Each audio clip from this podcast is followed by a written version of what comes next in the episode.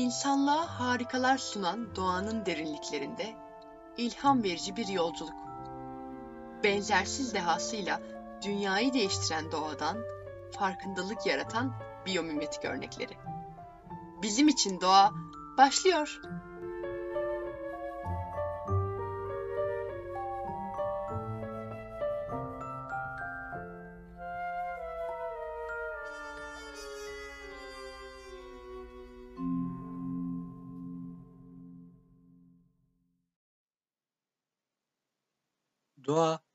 Tek başına sonsuz derecede zengindir ve yine tek başına en büyük sanatçıları şekillendirir. Göte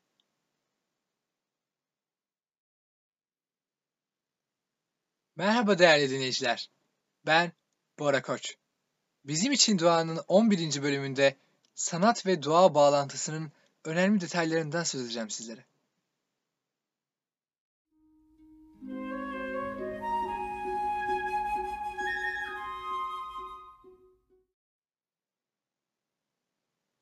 İstanbul Teknik Üniversitesi Sosyal Bilimler Enstitüsü Sanat Tarihi Anabilim Dalı'ndan Gamze Pişkiner'in 1990'lardan günümüze Türkiye sanatında doğaya yaklaşımlar başlıklı yüksek lisans tezinde yer alan önemli noktalar şöyle. Doğa, insanlık tarihi boyunca insanın hem en büyük mücadele alanı hem de esin kaynağı olmuştur. Doğayı kontrol altına alabilmek, kendi yararı için dönüştürebilmek ve anlamak, sanayileşen dünyanın ardında da korumak, verimliliğini arttırmak, kaynakları değerlendirmek ve ölçümleyebilmek, insanlığın ve bilimin temel mücadele alanlarından biridir. Sanatın da insanlığın temel konularından birine kayıtsız kalması mümkün değildir. Doğal çevrenin resmedilmesi mağara resimlerinden beri sanatın ana konuları arasında yer bulur.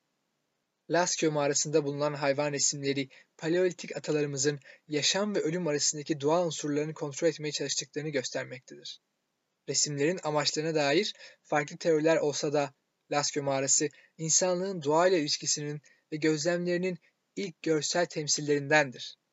Takip eden yüzyıllarda doğa, Yunan tapınaklarından Roma mozaiklerine ve Çin parşömenlerine kadar sanatın bir meselesi olmaya devam etti. Fakat doğa hiçbir zaman yapıtın meselesi olmamıştı. Gerçek anlamda peyzaj, Rönesans'a kadar ortaya çıkmayacaktı. Rönesans'la beraber insanın her şeyin ölçüsü olarak kabul edildiği dünya görüşü ortaya çıktı. Matematik, bilim, astronomi önem kazandı ve bilim doğayı gözlemlemeye başladı.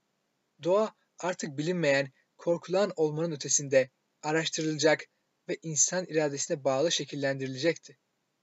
Leonardo da Vinci, Jean Van Eyck gibi sanatçılar doğayı işte bu gözle gözlemlediler. Rönesans sanatçıları için doğanın araştırılması sanat için gerekli olan bilgilere ulaşmanın yoluydu. Bunun yanında her şeyin ölçüsü olan insanın doğal çevresi ve onunla ilişkisi de sanatçıların dikkatini çekiyordu. Örneğin Giorgione'nin Fırtına adlı eseri kendinden önce gelen sanatçılar gibi kişileri ve nesneleri bir mekana yerleştirmenin ötesinde doğayı, toprağı, ağaçları, ışığı, havayı, bulutları ve insanları bir bütün olarak kurguluyordu. İşte Giorgione tarafından yapılan Fırtına adlı eser yapılırken amaçlanan ne olursa olsun insan ve doğal çevre arasındaki ilişkiyi temsil ediyordu.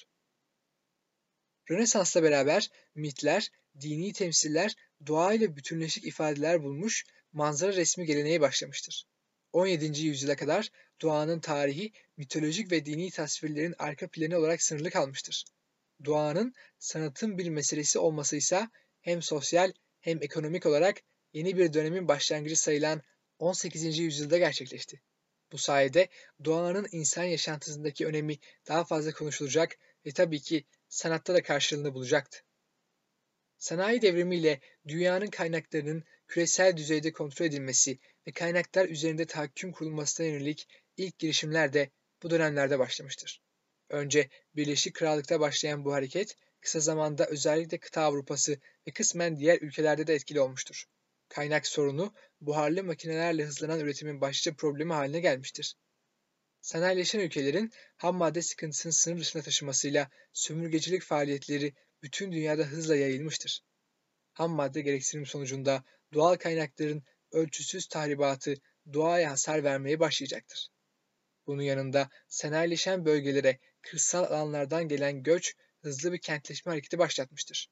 Andrew Brown, ekolojik sanatın doğuşunda rol oynayan ana etmenleri sanayi devrimine dayandırmaktadır. Ve şöyle demiştir. Dünyanın yüreği daha önce hiç böylesine onur kırıcı bir halde kitlesel ölçekte yerinden sökülüp bozularak iade edilmemiştir. Bu çağ, insanlığın zenginlik arayışı içinde çevreyi sonsuz hazineleri olan yağmalanacak bir kaynak ve sonra da istenmeyen süprüntüleri dökeceği dipsiz bir çukur olarak gördüğü bir çağın başlangıcıydı.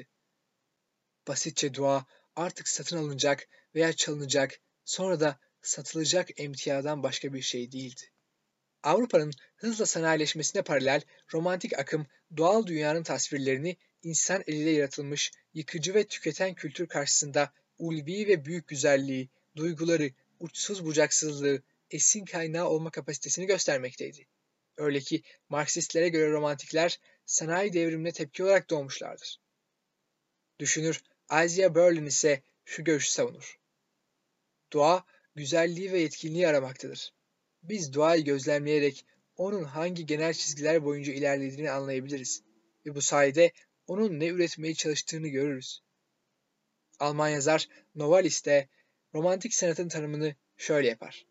İnsanları doğayla yeniden bütünleştirmeye amaçlayan ve tarih boyunca var olan doğayla kurulan naif ilişkinin bilinçli bir düzeyde yeniden yaratılmasını sağlayan sanat romantik akımıdır. Yani romantiklerin doğayı yüceltme ve onda huzur bulması çok belirgin bir tavırdır. Söz gelimi doğanın ihtişamına güzellemeler yapan ressam Caspar David Friedrich'in Bulutların Üzerinde Yolculuk isimli yapıtı bu akımın dilini yansıtan önemli örneklerdendir. Amerika'da da bu dönemin ressamları doğal çevreyi hem Tanrı'nın varlığının somut tezahürü olarak hem de insan ve doğanın beraber yaşaması gerektiği fikriyle pastoral sahneler halinde resmetmişlerdir. Albert Bierstadt'ın Yosemite Vadisi eseri öylesine etkili olmuştu ki Abraham Lincoln 1864 yılında Yosemite Vadisi'ni Birleşik Devletler'in ilk milli parkı olarak ilan etmeye karar vermişti.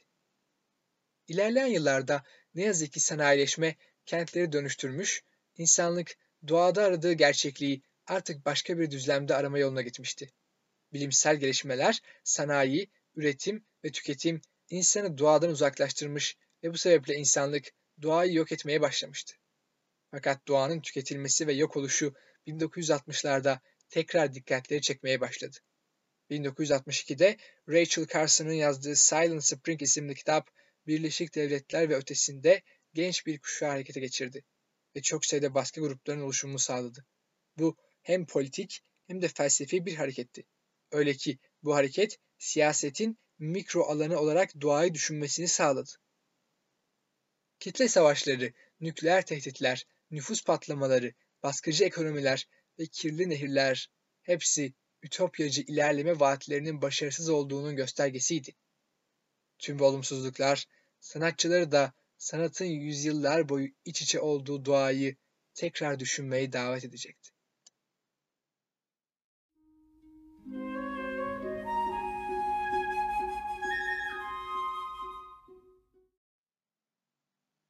Atatürk Üniversitesi Eğitim Bilimleri Enstitüsü'nden Mustafa Ayaz ve Gazi Üniversitesi Eğitim Bilimleri Enstitüsü'nden Yusuf Han tarafından yazılan ve Vankulu Sosyal Araştırmalar Dergisi'nin 2019 kış sayısında yayınlanan Claudie Monet'in Doğaya Bakış Açısının incelenmesi başlıklı makalede değinilen noktalar şu şekilde.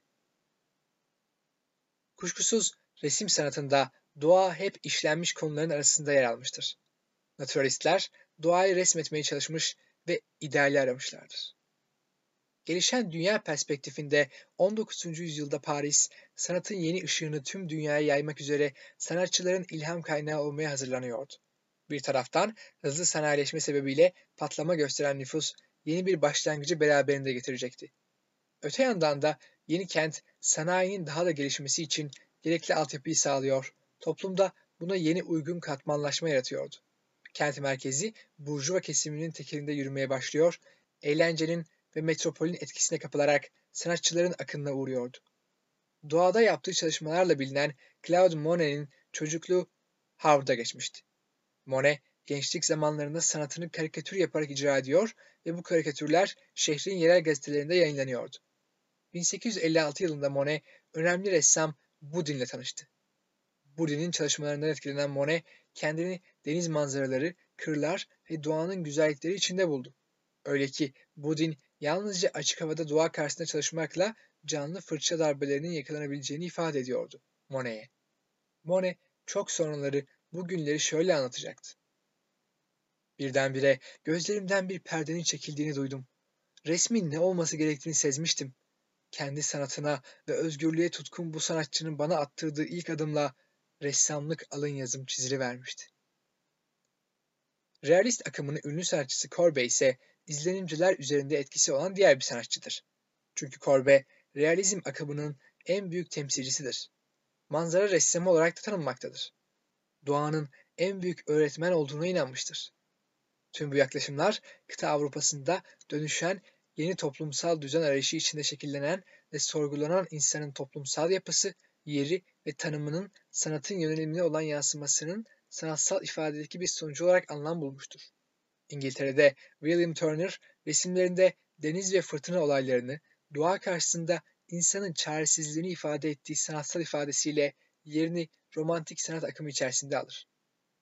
Alman sanatçı Caspar Friedrich David ise dağ ve doğa manzaralarını modern bireyin doğadaki yalnızlığını yapıtlarına somutlaştırır. Bu özelliğiyle Caspar David, romantik eğilimin bir başka temsilcisi olur. Tekrar Monet ve Boudin'e dönecek olursak, Boudin mum boyalarıyla açık havada yaptığı kıyı resimlerinde ustaydı. Deniz kıyısında resim yaparken Monet'i de yanına alıp ona yepyeni açık hava resmi tekniğini gösterdi. Monet 1900 yılında bu durumu şöyle anımsayacaktı. Ressam olduysam bunu Bodin'e borçluyum. İyilikseverliğinin ölçüsü yoktu. Beni eğitmeyi de kendine iş edinmişti. Yavaş yavaş gözlerim açıldı. Doğayı gerçekten anladım ve sevmeye başladım. Zira atölyede çalışan bir ressam akademik geleneklere ya da kendine özgü biçim uygulamalara yönelebilirdi. Oysa açık havada gökyüzünün ve ışığın değişimlerine yetişmenin baskısı altındaydı. Şüphesiz ressamlar bütün dönemlerde doğada ve açık havada resimler yapıp doğa olgusunu oluşturmaya başlamışlardır. Sanatta devrim niteliğinde olan resim sehpasını, tuvali, paleti ve boyaları alıp açık havaya çıkmak, taslağını da resmini de orada yapmak ve belki de orada bitirmekti. İşte Claude Monet atölyesini dışarı taşıyan ilk ressamlardandı. Ancak doğanın ressama oyun oynadığı zamanlarda olmuştur.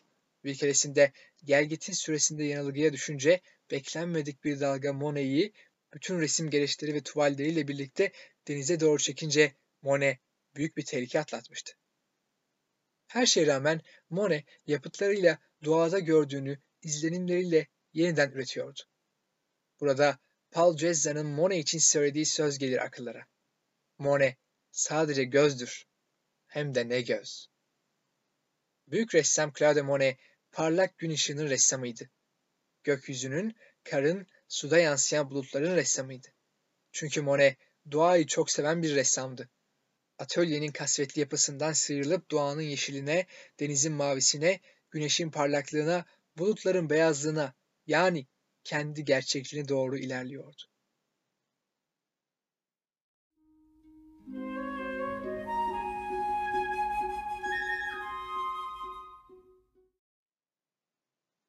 Pamukkale Üniversitesi Eğitim Fakültesi Güzel Sanatlar Eğitim Bölümünden Nuray Mamur imzasını taşıyan ve Mersin Üniversitesi Eğitim Fakültesi dergisinde yayınlanan makalede doğa ile sanatın kesiştiği noktalar inceleniyor.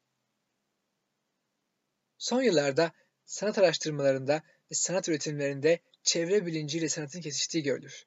Sanatçılar eserleri yoluyla dünyanın ekolojik ve çevresel bütünlüğünün korunmasına dönük bir algı oluşturmaya odaklanmaktadır.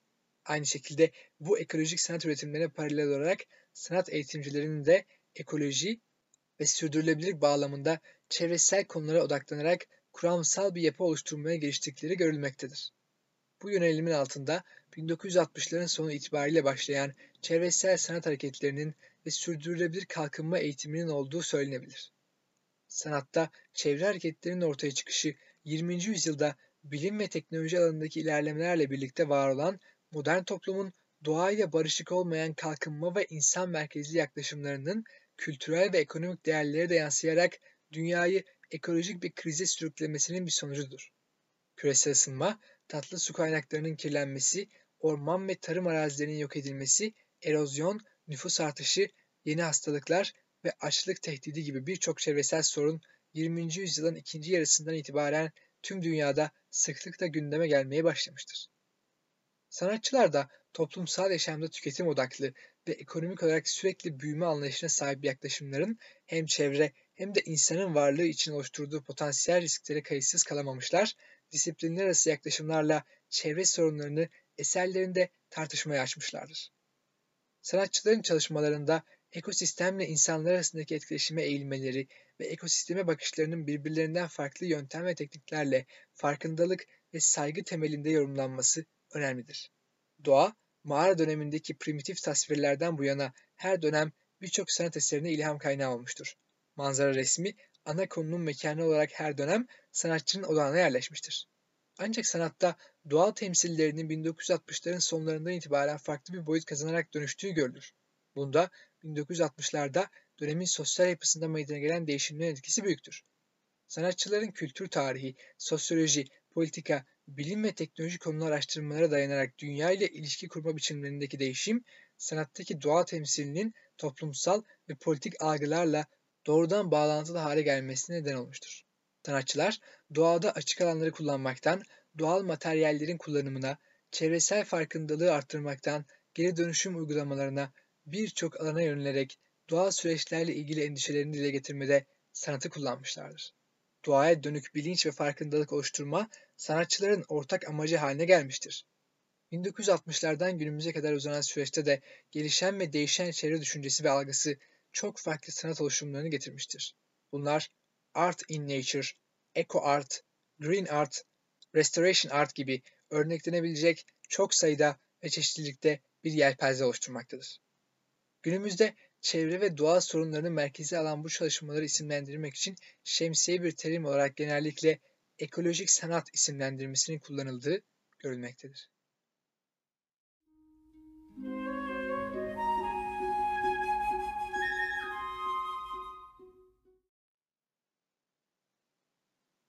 George Enescu Ulusal Sanat Üniversitesi'nden Ștefănescu Mircea ve Ștefănescu Mirele tarafından yazılan Land Art, The Harmony Between Art, Nature, Landscape başlıklı makalede sanatın doğa ile kurduğu iletişimin detayları anlatılıyor. Çağdaş sanatçının açık ve anlamlı olabilmesi için eğilimini, tasarımlarını ve figüratif öğelerini serbest bırakması gerekir. Sürekli bir devinim halinde olan sanatta 20. yüzyıl devrim niteliğinde geçti.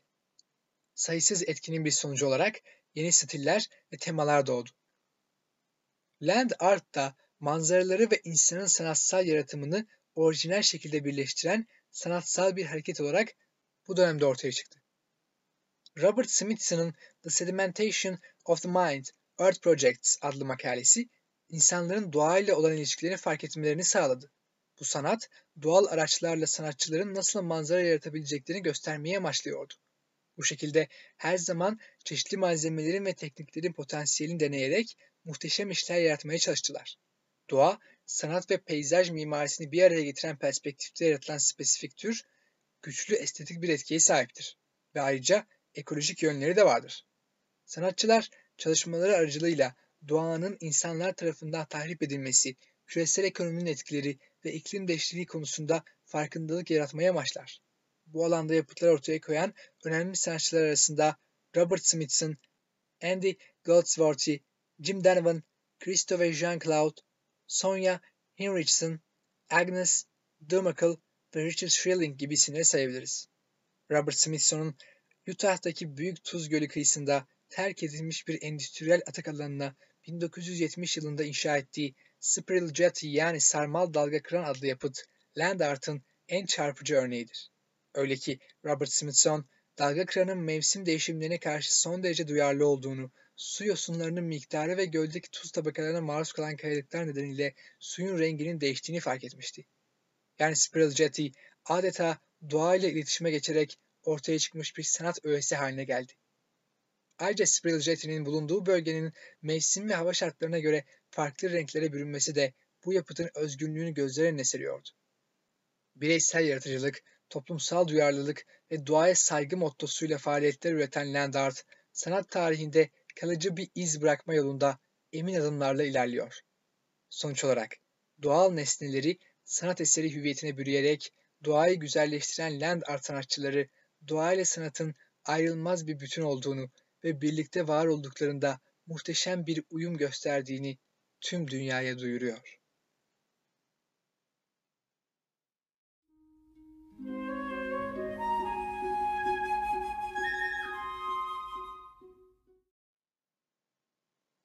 Leuphana University of Lüneburg'dan Sascha Kergan tarafından yazılan makalede ekolojik sanatın önemli özellikleri değerlendiriliyor. Makalenin başlığı The Practice of Ecological Art. İyi işleyen bir sistemde kültürel ve biyolojik çeşitliliğin karşılıklı bir durumda var olduğunu inanıyoruz.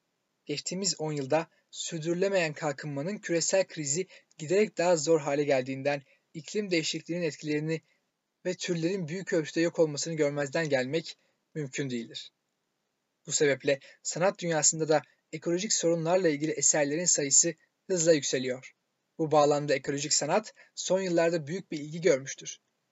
Ekolojik sanat terimi ve orijinal kullanımı ise etkileri 1960'ların sonlarından itibaren başlasa da 1990'larda ortaya çıktı. Ekolojik sanat hem içeriği hem de biçimi açısından ekolojik bir etiğe de sahiptir. Bu etik ilkeler arasında şunlar yer alır. Çevremizdeki karşılıklı fiziksel, biyolojik, kültürel, politik ilişkiler ağına ve ekolojik sistemlerin tarihsel yönlerine dikkat edilmelidir. Doğal malzemeler, kullanan veya rüzgar, su ve güneş gibi çevresel güçlerle etkileşime giren işler yaratılmalıdır. Halkı ekolojik dinamikler karşılaştığımız çevre sorunları hakkında bilgilendirmek önemlidir. Birlikte yaşama ve sürdürülebilirlik için yaratıcı bir şekilde yeni olanaklar öneren ekolojik ilişkileri yeniden tasavvur etmek gerekir. Tüm bu ilkeler hem insanlarla hem de insan olmayanlarla empati kuran ve sorumlu ilişkiler geliştiren bağlantılı uygulamalardır. Bu anlamda ekolojik sanatçılar açıkça doğadan esinlenmiştir. Ayrıca ekolojik sanatçıların uygulamalarının önemli bir özelliği de insanlar ve diğer türler için ortak alanların şekillendirilmesini ve ortak alanların savunulmasını sağlamalarıdır. Özetle ekolojik sanat sosyal ve ekolojik bir uygulama olarak hem geçerlilik hem de aciliyet kazanıyor.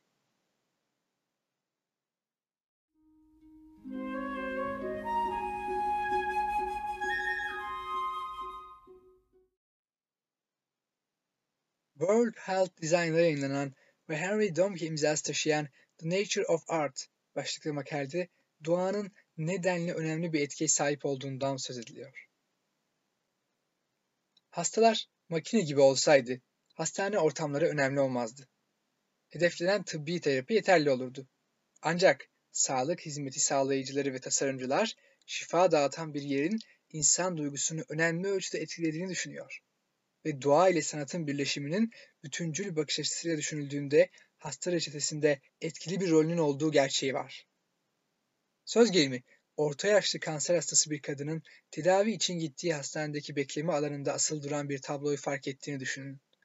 Bu resimde bir sabah ormandaki büyük bir meşe ağacının dallarından yaz güneşinin aktığı manzara yer almakta.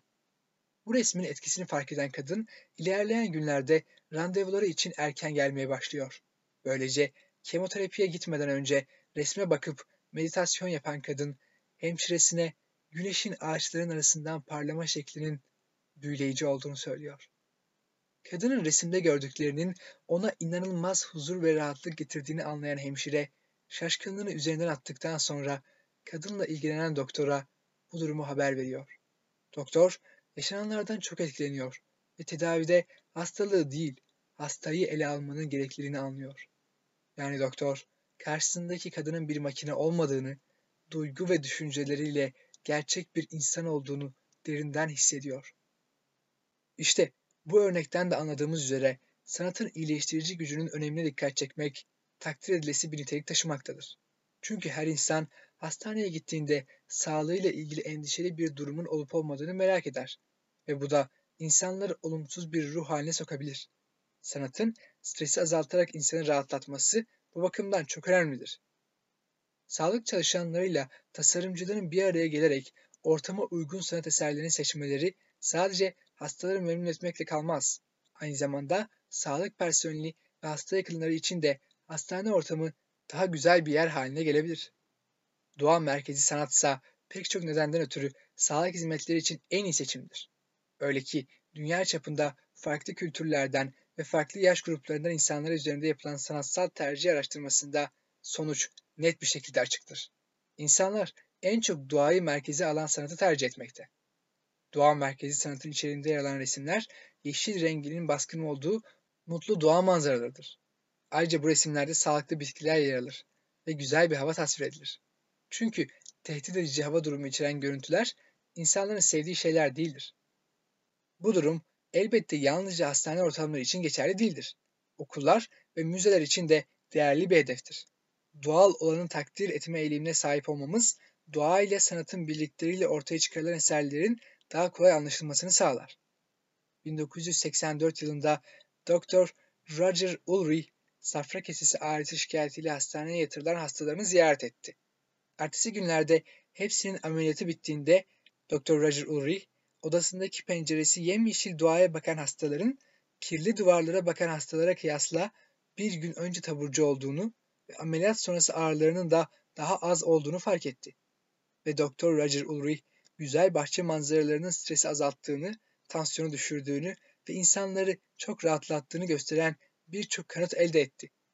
Ayrıca doğayı deneyimlemenin ve bahçeye bakmanın acıyı azalttığını gösteren araştırmaların var olduğu da bir gerçek. Çünkü doğa stresi bloke ederek ve hastaların kendilerine ve rahatsızlıklarına odaklanma kapsamını azaltarak ağrıyı düşürücü etki gösteriyor.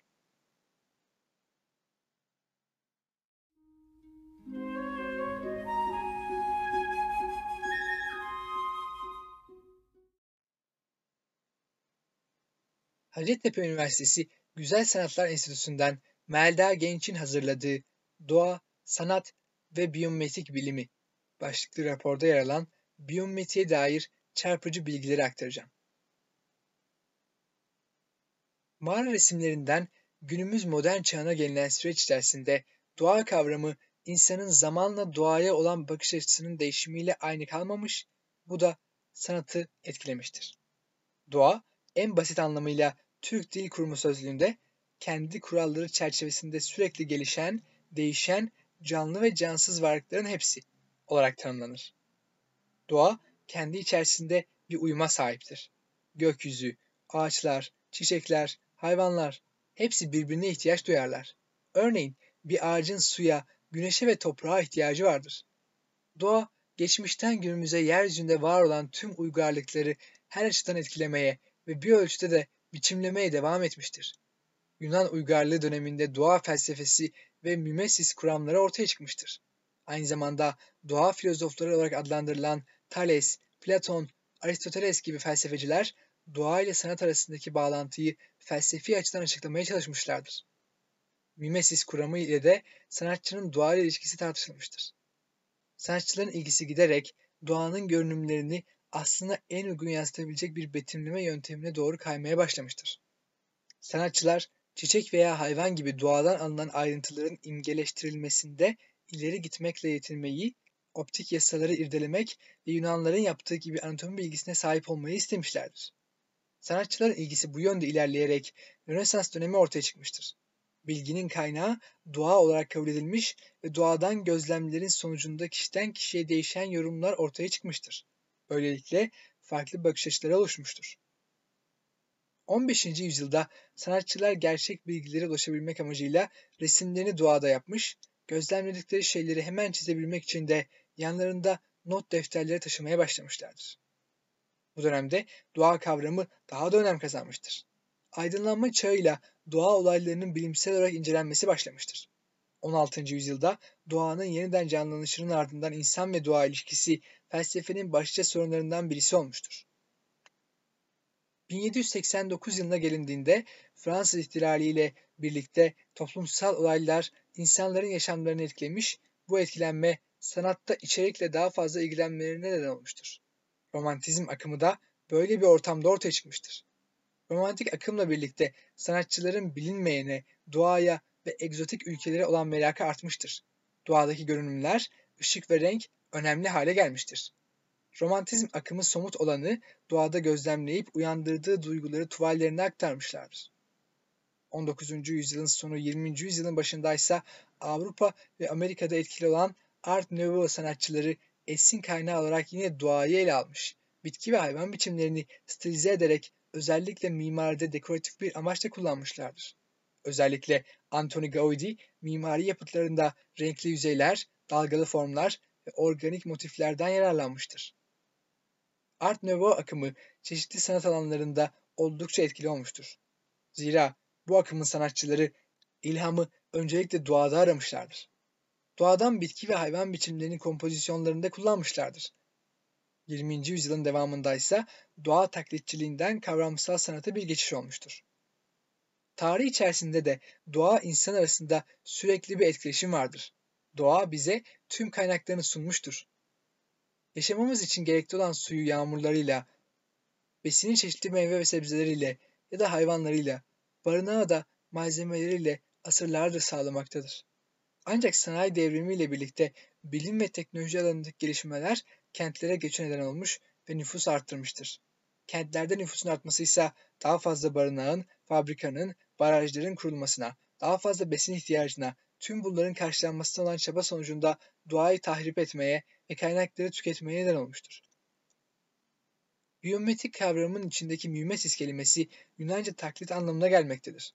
Yani mimesis, doğa ve insan davranışlarının sanatta ve edebiyatta taklide dayanan temsili olarak tanımlanır. Biyometrik ise doğadaki hayvan, bitki ve daha birçok canlı, cansız ve tüm oluşumları inceleyip bunların sistemlerini, çalışma prensiplerini ortaya çıkararak bilim insanlarının yeni fikirler üretmesinde önemli bir anlam teşkil eder. Bilim, doğadan biyolojik açıdan yararlanırken mimesis kuramıyla sanatçının doğayla ilişkisi tartışılmıştır. Sanatın nasıl ve ne şekilde ortaya çıktığı konusu üzerine çağdaş sanatçıların, sanat araştırmacılarının ve antropologların çeşitli görüşleri bulunmaktadır. Sanatı doğaya öykünme olarak görme, antik Yunan'dan itibaren birçok filozofun konusu olmuş, ortaya çeşitli görüşler konmuştur. Aristoteles, Poetika adlı kitabında sanat teorisini kurarken mimesis yani taklit kavramından yola çıkar. Sanatın rolünü doğanın taklidi olarak tanımlarken mimesis kelimesini kullanır. İnsanın doğayla bir bütün olduğunu, doğanın eksik kaldığı noktaları tamamladığını söyler. Ayrıca taklidin insana özgü bir şey olduğunu, psikolojik bir temele dayandığını belirtir. Yani insanlar içgüdüsel olarak bilgilerini çevrelerinde gördüklerinden edinirler. Böylelikle Aristoteles'in sanat kuramının temelinde insanın ana özelliği insana ait temel bir içgüdü olan taklit duyusudur. Taklit, kullandıkları araçların birbirinden ayrı olmasından kaynaklı olarak müzikte ses, dansta ritim, figüratif sanatta renk ve figür örnekleri vererek sanatı dallara ayırır. Dünyanın gelmiş geçmiş en büyük dehası olarak kabul edilen Rönesans dönemi İtalyan sanatçısı Leonardo da Vinci 500 yıl önce bilimin temelini atmış, farklı bilim ve sanat alanlarında doğayı sistematik olarak gözlemleyerek ve deneyler yaparak bu bilgileri not defterlerine toplamıştır.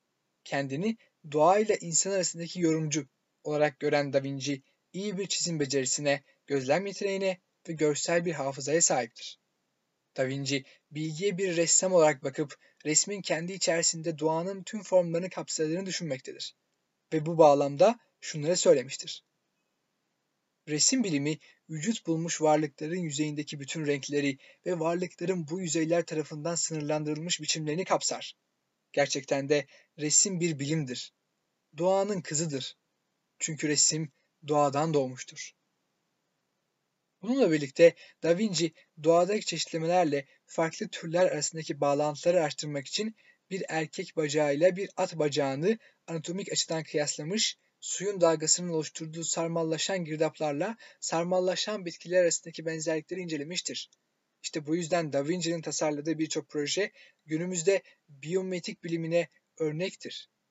Nitekim Da Vinci'nin not defterlerinden ilham alıp yeni fikirler ortaya koyan birçok tasarımcı, mühendis ve doktor bulunmaktadır. Da Vinci'nin hayatı boyunca yaptığı çalışmalar günümüzde hala heyecan verici olarak tanımlanmakta ve bir esin kaynağı olarak görülmektedir.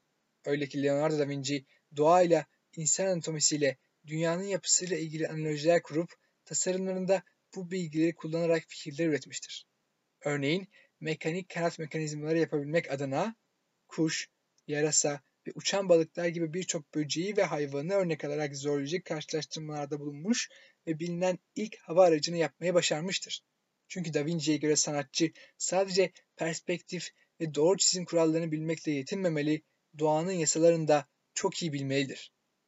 Günümüze bakacak olursak dünyamız her an yeni teknolojilerle kimya, fizik ve biyoloji alanlarında gelişmesine rağmen bu teknolojilerin getirdiği bazı olumsuzluklar yeni sorunlara yol açmaktadır. Artan dünya nüfusu, insanlardan kaynaklanan atıkların çoğalması ve doğal kaynakların kısıtlı olması doğanın dengesini bozmaktadır. Teknolojinin doğaya verdiği zarar düşünüldüğünde şu andaki çözümler yeterli olmamaktadır. Doğaya zarar vermeyen doğayla uyumlu çözümler nasıl olabilir sorusuna verilecek yanıt direkt olarak biyometrik biliminin sınırlarına dahil olmaktadır. Biyometriğin bilim olarak kabul edilmesi de 21. yüzyılın ortalarında gerçekleşmiştir. Multidisipliner faaliyetler yürütmenin gerekliliğini içinde barındıran biyometrik biliminin geleceği etkileyecek potansiyele sahip olduğu düşünülmektedir. Doğadaki birçok canlının aniden yağan yağmurlara, bunların sonucunda ortaya çıkan sellere, sıcak ve soğuk hava şartlarına, yangınlara, hatta atom bombasına bile dayanmakta olduğu bilinmektedir. Bunlar gibi pek çok olumsuz etkenlere rağmen canlılar doğada hayatta kalmayı ve bir düzen içerisinde yaşamayı başarmaktadırlar. Bugün bu bilgiler insanlara biyometrik bilimiyle doğadan öğrenmemiz gereken daha birçok bilinmeyenin olduğunu göstermektedir. Daha nice canlılar araştırılıp yeni hastalıkların tedavilerinde, yeni malzemelerin üretiminde, yeni yapıların oluşturulmasında bizlere katkı sağlayabilir. Özetle doğanın sadece sanatçılar için değil, bilim insanları için de tükenmez bir kaynak olduğu bilinmesi gereken önemli bir gerçektir.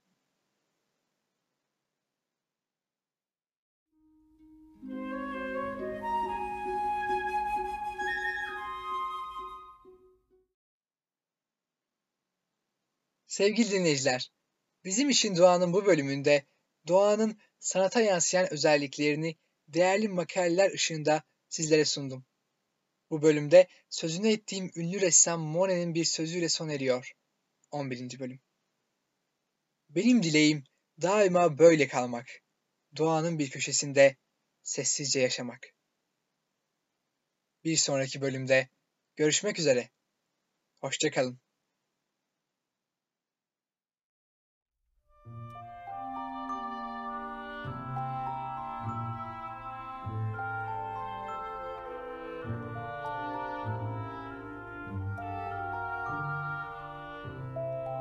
Bora Koç'un hazırlayıp sunduğu Bizim için Doğa sona erdi.